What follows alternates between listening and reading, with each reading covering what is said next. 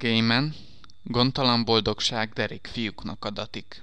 A gyerekeim élvezik, ha igaz történeteket hallhatnak a saját gyerekkoromból. Amikor apám letartóztatással fenyegette a közúti rendőrt, hogyan törtem ki kétszer is a hugom előső fogát, amikor ikreknek tettettem magam, sőt még azt is, hogy a nap, amikor véletlenül megöltem a futóegerem. Ezt a történetet sosem meséltem el nekik. Nehezen tudnám megmagyarázni, miért nem. Amikor betöltöttem a 9. életéve, az iskola közölte, hogy mindenki választhat egy hangszert, amilyet csak akar. Néhány fiú a hegedűt, a klarinétot, az oboát választotta. Mások az üsdob, a zongora, a brácsa mellett döntöttek. Nem voltam valami magas a koromhoz képest, és én egyedül az alsósok közül a nagybőgőt választottam, főként, mert megragadott az ötlet képtelensége megragadott, hogy alacsony fiú létemre egy nálam sokkal magasabb hangszer lesz az, amelyen játszom, amelyben örömömet lelem, amelyet magammal húzolok. A nagybőgő az iskola tulajdona volt, és nagy hatást gyakorolt rám. Megtanultam bánni a vonóval, ha bár nem nagyon érdekelt a vonótechnika, jobb szerettem kézzel pengetni a hatalmas fémhúrokat. A jobb kezem mutató ujján állandóan fehér hólyagok dudorodtak, amelyek aztán végül bőrkeményedésé alakultak át. Élvezettel derítettem fel a nagybőgő történetét, azt, hogy nem tagja a hegedű, brácsa és cselló éles nyekergő családjának. Finomabban, puhábban, domborúkban ível, valójában egy kihalt hangszercsalád, a Viola da Gamba utolsó túlélője. És helyesebben basszusgambának hívják. Mindezt a nagybőgő tanártól tanultam. Egy idősebb zenésztől, akit az iskola azért importált, hogy heti néhány órában engem is még pár felsős fiút tanítson. Borotvált kopaszodó és elmélyült ember volt. Hosszú kérges ujjakkal. Bármit megtettem azért, hogy meséljen nekem a bőgő történetéről, session zenész tapasztalatairól, életéről, melyet bicikli hátán töltött szerte az országban. Egy furcsa szerkezetet erősített fel a biciklije hátuljára, ezen pihent a bőgője, ő pedig teljes lelki nyugalommal kerekezett át a vidéken bőgőjével a háta mögött. Sosem nősült meg. A jó bőgősök, mondta, pocsék férjek. Sok elszasonló megállapítást tett. Nincsenek nagy férfi csellósok, erre emlékszem. A brácsásokról is megvolt a véleménye. Tartozanak bármelyik nemhez is, és ezeket jobb nem elismételni. Hölgynek nevezte az iskolai nagybőgőt. Ráférne a hölgyre egy réteg nyilak, mondogatta, és viselt gondját a hölgynek, hölgynek, és a hölgy is gondodat viseli. Nem voltam egy kifejezetten jó bőgős. Egymagam kevés dologra voltam képes a hangszerrel, és az iskolai zenekarban kierőszakolt részételemből egyedül arra emlékszem, hogy sosem tudtam, hol tartunk a partitúrában, és folyton a mellettem lévő csellósokat lestem. Arra várva, hogy lapozzanak, mert akkor újra tudtam kezdeni, és tovább tudtam ellenpontozni mély, nem valami bonyolult basszus játékommal az iskolazenekar iskolázatlan kakofóniáját. Oly sok éve már ennek, és szinte már el is felejtettem, hogyan kell kottát olvasni. De amikor azt álmodom, hogy blattolok, még mindig basszus kulcsban álmodok.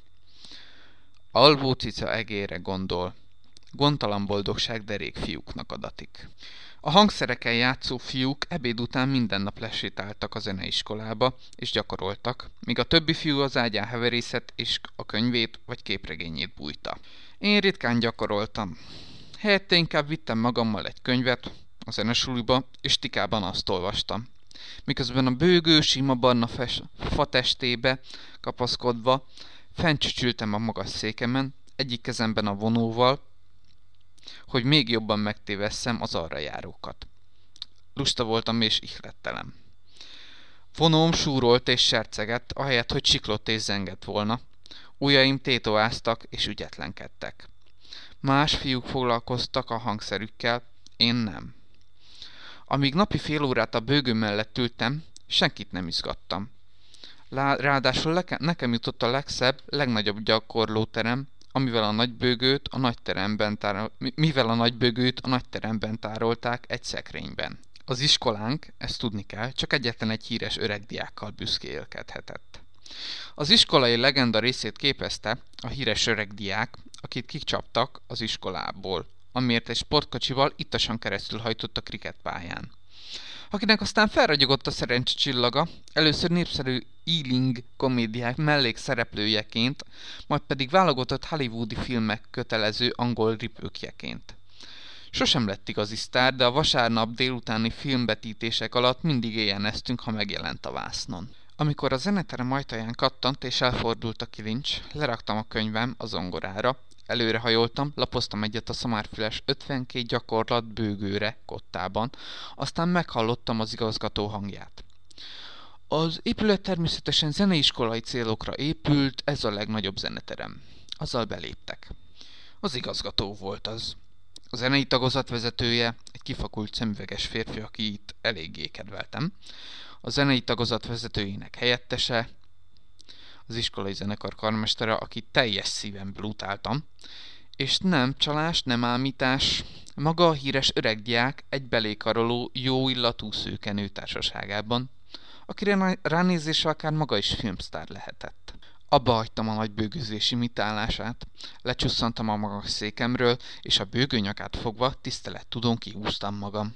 Az igazgató beszélt nekik a hangszigetelésről, a szőnyegekről és a pénzgyűjtő, kampány, pénzgyűjtő kampányról, amit a zeneiskola építésért szerveztek. Nem győzte eléggé hangsúlyozni, hogy a helyreállítás következő fázisához újabb tetemes adományra volna szükség, és épp csak, hogy belekezdett a dupla üvegezés költségeinek fejtegetésébe, amikor a jó nő így szólt. Most nézzetek rá, hát nem tündi-bündi? És mind rám néztek. Jó nagy hegedű, nehezen férhet be az álla alá, viccelődött a híres öreg diák, mire a többiek kötelesség tudóan heherésztek. Olyan nagy, hüledezett a nő. Ő meg olyan kicsi. Hé, de félbeszakítottuk a gyakorlást. Folytasd csak, játsz nekünk valamit. Az igazgató és a zenei tagozat vezetője sugárzó arccal, várakozás teljesen mosolygott rám. A zenei tagozat vezetőjének helyettese, aki nem kergetett hiúábrándokat zenei képességeimmel kapcsolat, kapcsolatban, magyarázni kezdte, hogy a szomszédteremben a szólóhegedűs gyakorol, aki örömmel játszana nekik valamit, és... Én őt szeretném hallani, jelentette ki a nő. Hány éves vagy, kisfiú? Tizenegy kisasszony, feleltem. A nő oldalba bökte a híres öreg diákot. Kisasszonynak szólított? Mondta. Mulattatta a dolog. Na, rajta, játsz nekünk valamit!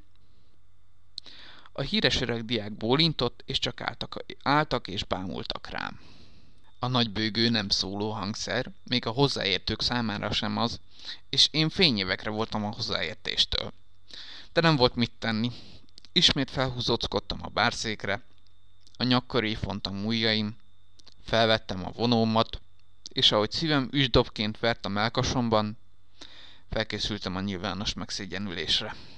Még húsz év múltán is emlékszem. Rá sem néztem az 52 gyakorlatbőgőre. Játszottam. Valamit. Íve volt és zengett, és énekelt, és visszhangzott. A vonó különös és magabiztos apreggiókon suhant, suhant át, aztán leraktam a vonót, és a húrokba csapva egy összetett és bonyolult pizzikátó dallamot csaltam elő a hangszerből. Olyanokat műveltem a nagy bőgővel, amikre még egy tapasztalt jazzbőgős, akinek akkora a keze, mint az én fejem, sem lett volna képes. Játszottam, és játszottam, és játszottam. Beleborultam a négy feszes fémhúrba, úgy szorítottam magamhoz a hangszert, ahogy emberi lényt soha. És végül levegő után kapkodva, és megittasulva megálltam. A szőkenő tört ki először tapsban, de mind tapsoltak, még a meglepett képet vágó zenei tagozatvezető helyettes is. Nem is tudtam, hogy ez egy ilyen sokoldalú hangszer. Álmélkodott az igazgató. Igazán bűbájos darab, modern, mégis klasszikus, nagyon szép, bravo. Aztán kiterelte négyüket a teremből, én pedig csak ültem ott, mint akiből minden erőt kiszívtak. Bal kezemmel a bőgőnyakát simogattam, a jobb kezem ujjai, hölgyem gurjai cirogatták. Mint minden igaz történet, ez az ügy zűrös és tisztelen véget ért.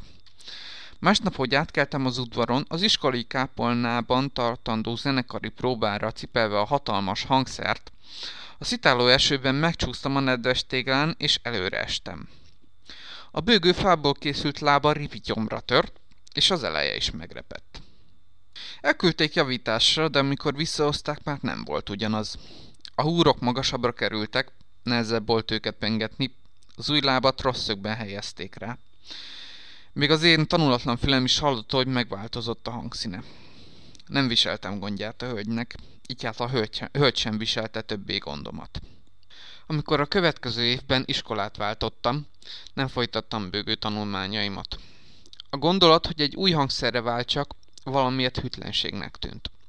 Az új, az új iskolám zenetermének szekrényében porosodó fekete bőgő pedig mintha ellenszemvel viseltetett volna irántam. Másnak szánta az ég. Ráadásul addigra olyan magasra nőttem, hogy többé már nem volt semmi képtelenség abban, hogy egy bőgő mögött állok. És hamarosan jól tudtam, úgyis jönnek majd a lányok,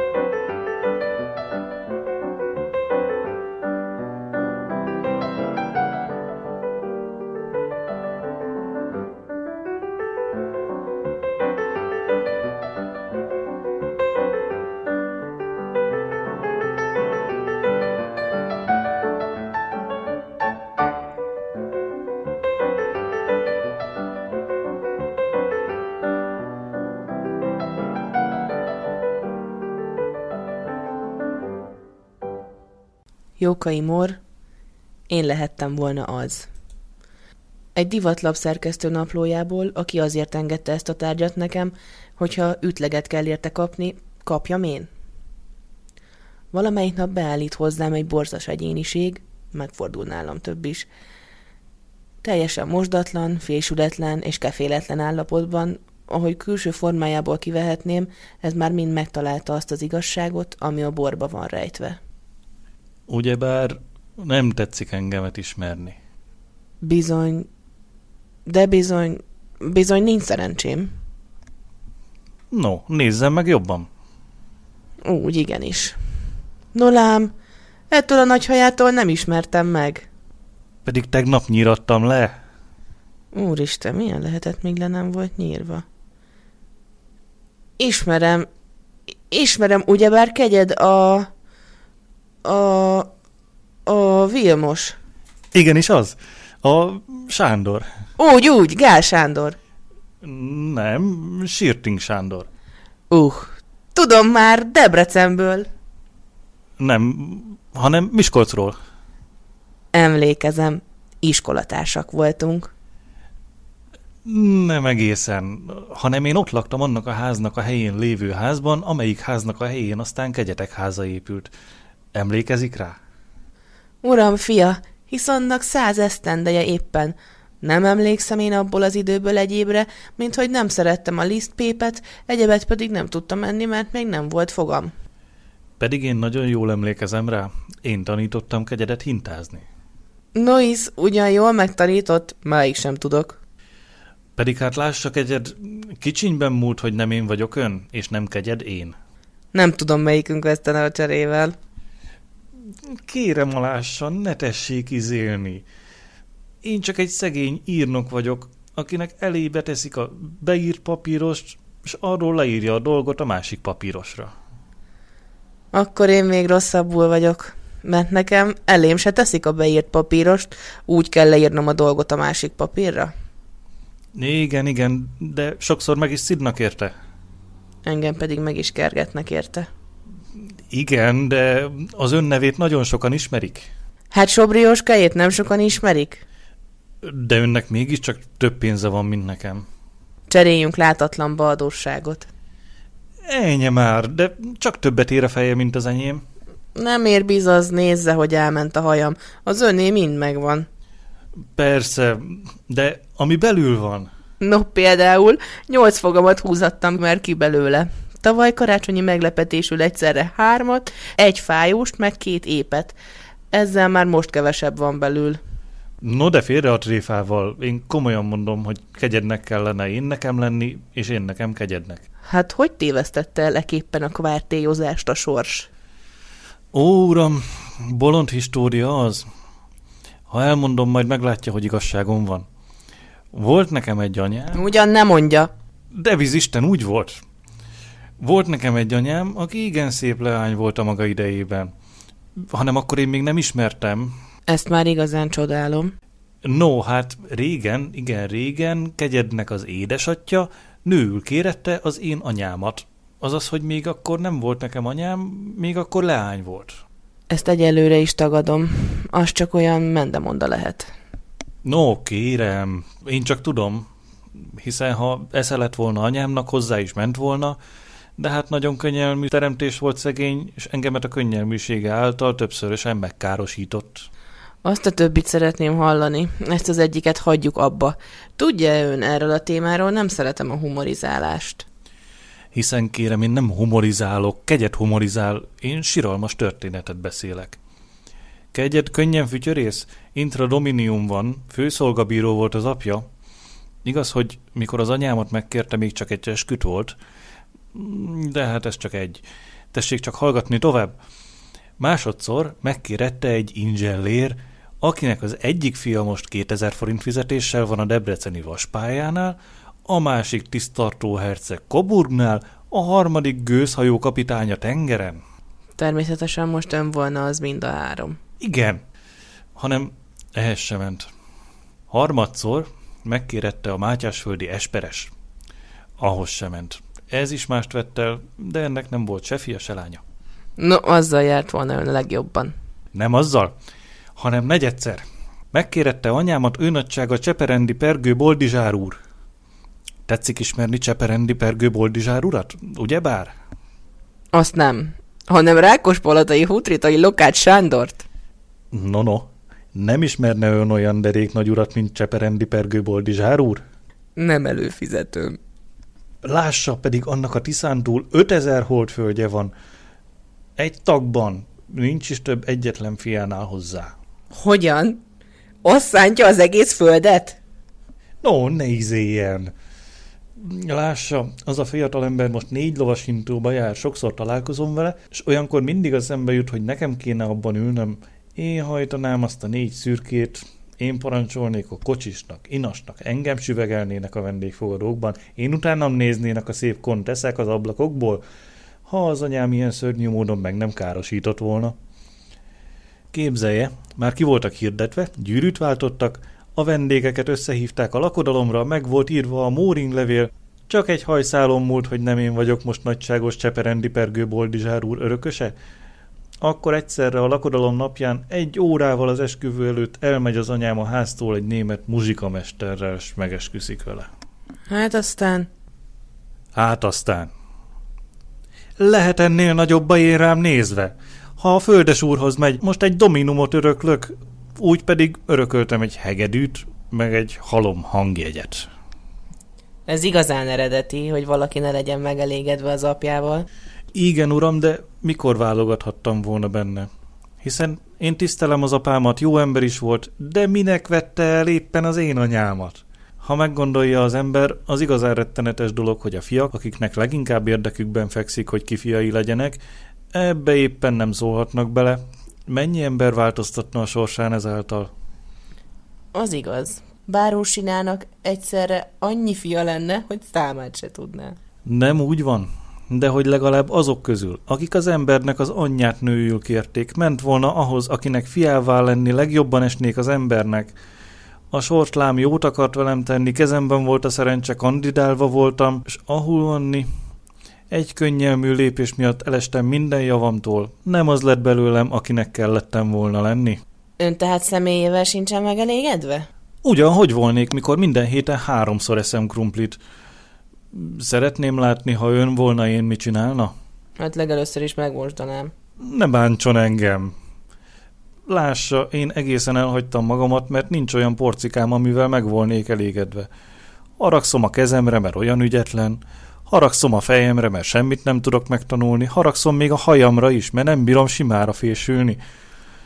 És mert tudom jól, hogy a képem nem szép, azért meg sem mosdom. Én nem adnék magamért, ahogy itt állok egy hajító fát, és akármit csinálok, tele vagyok ezzel a gondolattal.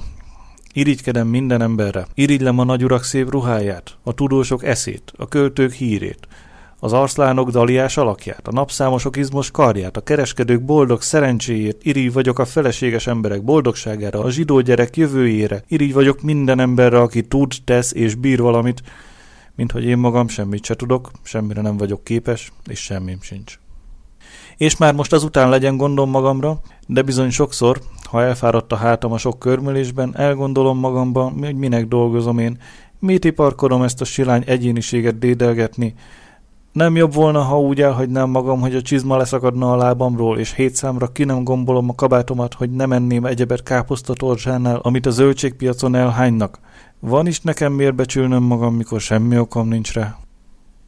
Különös nem a monomániának, hogy az ember magát valami olyan idegen embernek nézze, akit ki nem állhat. Kezdtem átlátni, hogy ebben a jelenetben több a szomorúság, mint a tréfa. Tehát voltak éppen mi cél vezette önt hozzám? Mert azt csak nem gondolnám, hogy önmagát váltott gyermeknek hiszi, és velem akarja magát elcserélni. Nem ám, hanem éppen csak azt akartam önnek megmondani, hogy miután semmi nemű ember nincs ezen a nagy Pesten, akibe valami úton beleköthetnék, öntől kérdezem meg, hogy ha a sors furcsa szeszélye úgy rendelte volna, hogy megfordítva essünk, ön az én helyembe, én meg az önébe, mit évő lenne akkor ön? Hát jöjjön vissza hozzám egy hét múlva, majd akkor megmondom. Az alatt a hét alatt írtam egy jó ismerősömnek, aki Gróf X jószágigazgatója, ha nem tehetné el meg kedvemért, hogy egy jóra való tanult fiatalembernek valami szerény állomást adhatna a gazdasági tisztség körül.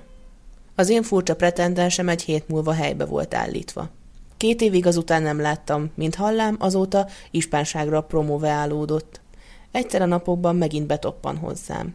Képzelheti, fel volt frizérozva, s kesztyű volt a kezén. Ennyi bajtás, uram, de kicsípte magát!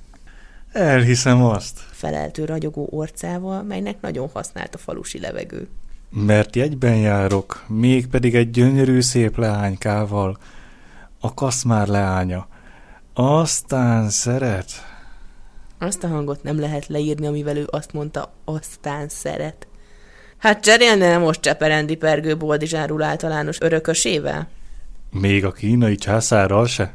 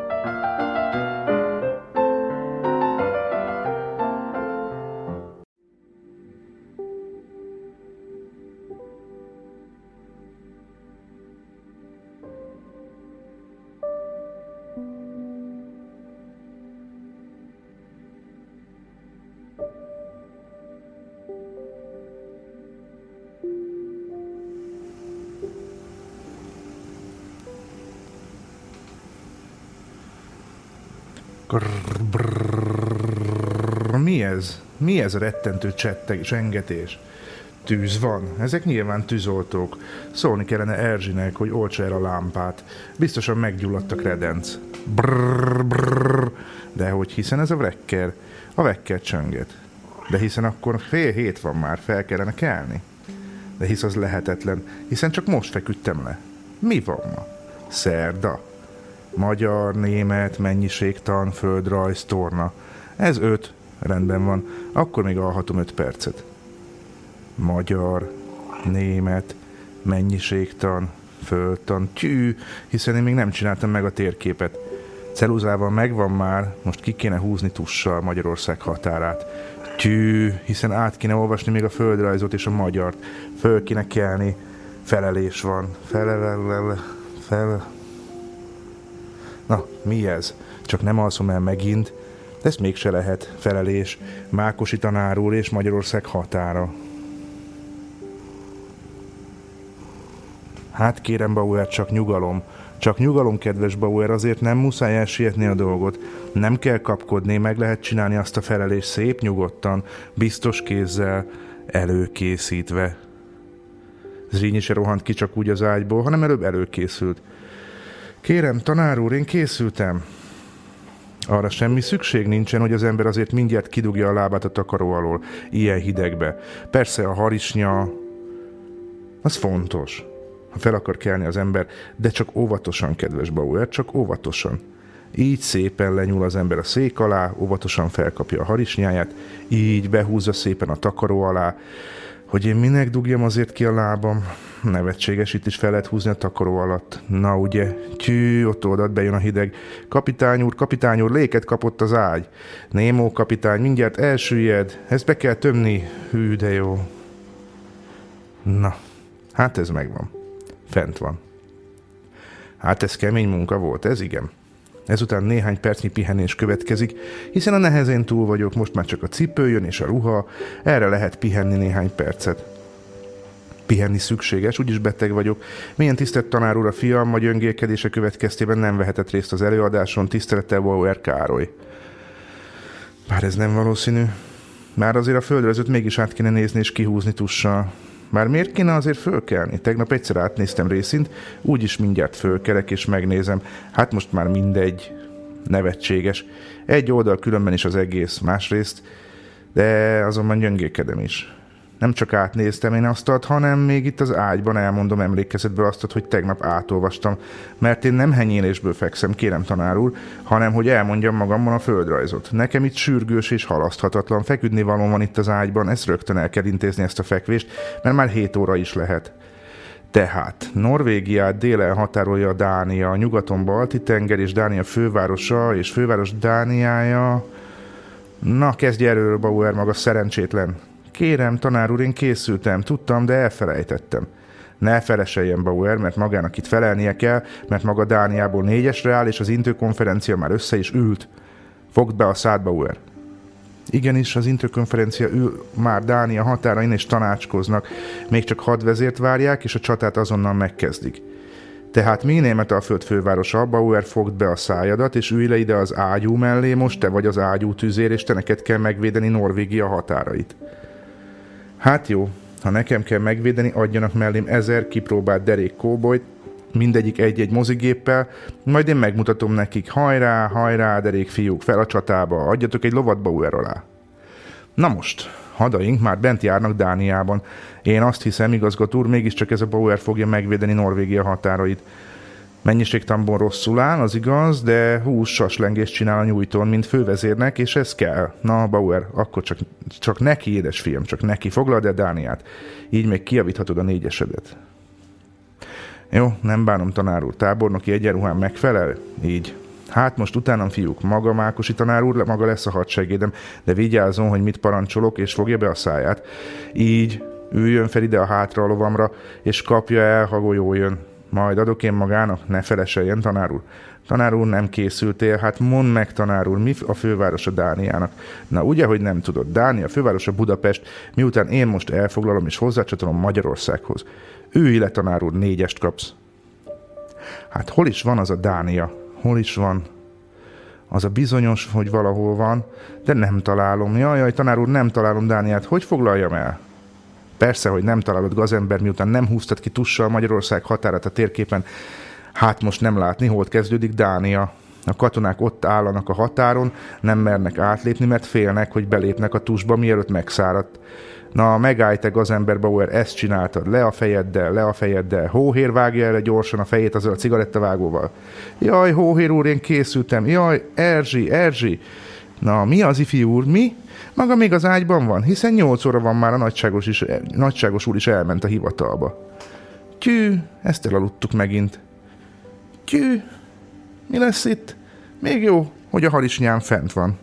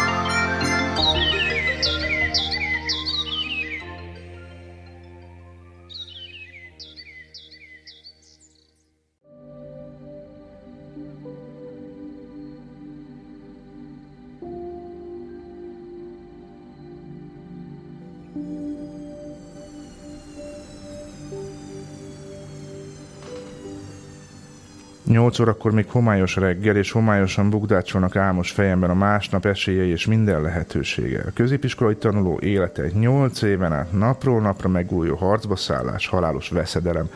Minden reggel pontban nyolckor a véletlenek és a ravasz kelepcék és elhatározó események hullámzó harcterére kiront, sebeket kap, sebeket oszt, néha elvérzik. Másnap újra feltámad, kezdi előről. Másnap reggel új fegyverzet és új haditerv. Furfangos és végtelenül komplikált megfontolás, amiben százféle ok és okozat kombinálódik. A fegyverzet ma hiányos. Éppen azért gondosan össze kell válogatni. Első óra mennyiségtan. Az irracionális egyenleteknél tartunk, de a múltorán még nem fejeztük be felelés eshetősége 25-27 százalék. Ebben a kis százalékban szerepet játszik az a körülmény, hogy sokan még nem javítottak, s hogy Frölik megbízhatatlan jellemű, ingatag és gyenge akaratú ember, aki a múltorán talán még maga is azt hitte, hogy jövőre tovább magyaráz, és most egyszerre szinte öntudatlanul feleltetni kezd. Az emberi lélek mélyén vannak ilyen kóros tünetek, amikkel számolni kell. Szerdai nap lévén én Istenem a mennyiségtan után két óra mértani rajz. Hiányzik a szépiám, a görbeléniám is hiányzik, amit pedig ma összefa- összeírnak.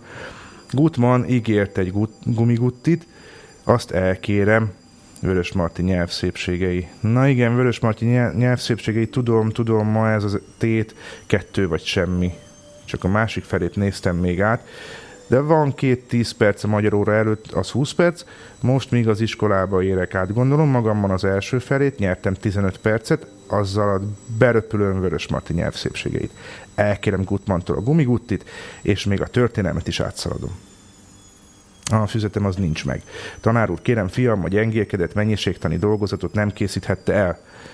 Igen, tisztelt tanár úr, fiam gyengét szervezetének ápolása hosszabb időt vesz igénybe, mely idő alatt házi orvosunk mennyiségtan dolgozatoktól való tartózkodást ajánlotta. Hát ez semmi.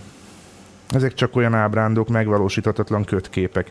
A rideg valóság nem az, a rideg valósághoz szívós elszántság és lélek jelenlét kell, és kell hozzá. Gutman megint, akinek a füzetéből öt röpke perc alatt átírom az egészet. Bár mit ér nekem, ha megvan a dolgozat, ha egyszer a kamatos kamatot úgyse tudom, pedig ha felelés van, csak abból van tiszta sor. Ne ábrándoz, hanem cselekedj. Most pedig ennyi, jó lesz sietni ezzel az úrral, aki itt most szembe jön. 8 óra és 5 perckor szoktam találkozni, hát lássuk csak, szedjük össze a gondolatainkat, mert a perc közel van, szóval csak a szépia kell és a lénia. Ezzel szemben Vörös Marti, mint tudjuk, klasszikus tisztaságban tartotta a nyelvet, szavai kristályos tökéletességgel. Mit csinálnak a szavai? Szent Isten, hiszen ezt se tudom, meg kell gyorsan nézni, mit csinálnak Vörös Marti szavai kristályos tökéletességgel, és Nagy Lajos Szent, anyám, gyerünk, ne zavarjuk össze mindent. Vörös Marti, Marti kristálytiszta szavakkal elkérte Gutmantól a gumiguttit, de ha Gutman nem adja, akkor tisztelt tanár úr, fiam majd öngélkedett és nem bírta elhozni a gumiguttit. Még van egy eset hátra, hogy kigyullad valami, vagy valamelyik tanár meghalt, és hazaküldik az egész osztályt. Na mi ez, szívem nyugtalanul kalapálni kezd, a bejárat előtt nem áll senki. Az egész épület gyanúsan, fenyegetően csendes. Csak nem, nem, nem, az nem lehet. Az csak nem történik velem. Minden esetre jó lesz sietni. Az első emeleten csend. Hallgatnak a falak, és lépteim konganak. Nincs kétség benne, a szörnyű, az elképzelhetetlen. Megtörtént. Itt már lecsengettek. Most még csak egy lehetőségem van, talán még nem jött be Fröli. Az ügye, üres folyosókon lábújhegyen lopodzom az osztályajtó elé. Fülemet óvatosan tapasztom a kulcsjukra. A lemondás keserű vonása görbíti le ajkam. Odabentről egyhangú csönd beszél mindennél érthetőbben. Hát ezen már nem lehet segíteni talán még nem írtak be.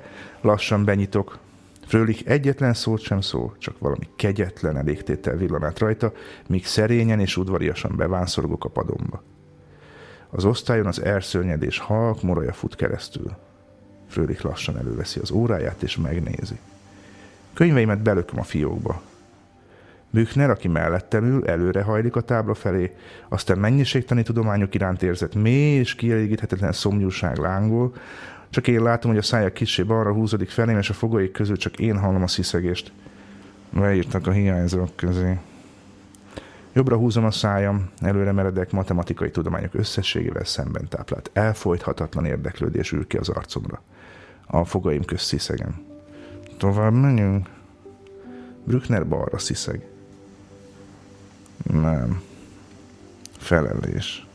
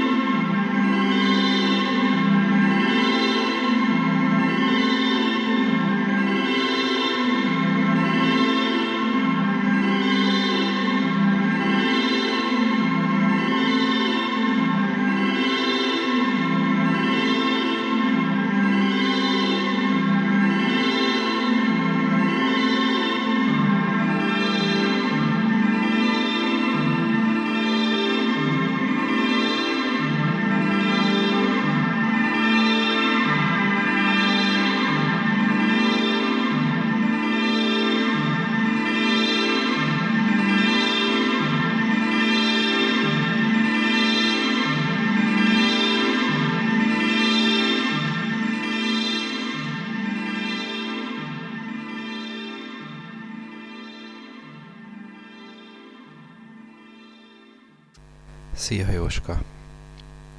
Szeretnék mielőbbi felépülést kívánni neked. Szeretném, hogy a cseten minél előbb láthassam az aranypajzsod után a neved. És még azt is kérném, hogy mielőbb gondolkoztass el minket furmányos kvíz kérdéseiddel. Azt követelem, hogy mi hamarabb olvas fel nekünk és szórakoztas kedvenc novelláidból, regényeidből részletekkel. Ezt egy önzetlen embernek üzeni egy önző barát. Jack the Jonet albumán van egy szám, a Blue. Ez a Work című album. Ez a szám jó párszor segített már nekem. Most ezt neked ajánlom. Gyógyulj meg minél hamarabb. Tamaguchi voltam.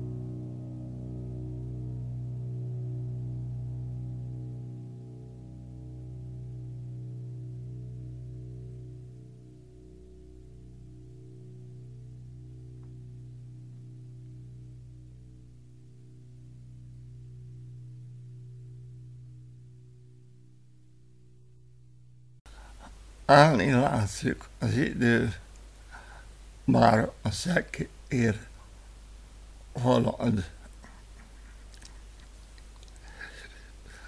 A rakadó part alsó kövén ültem,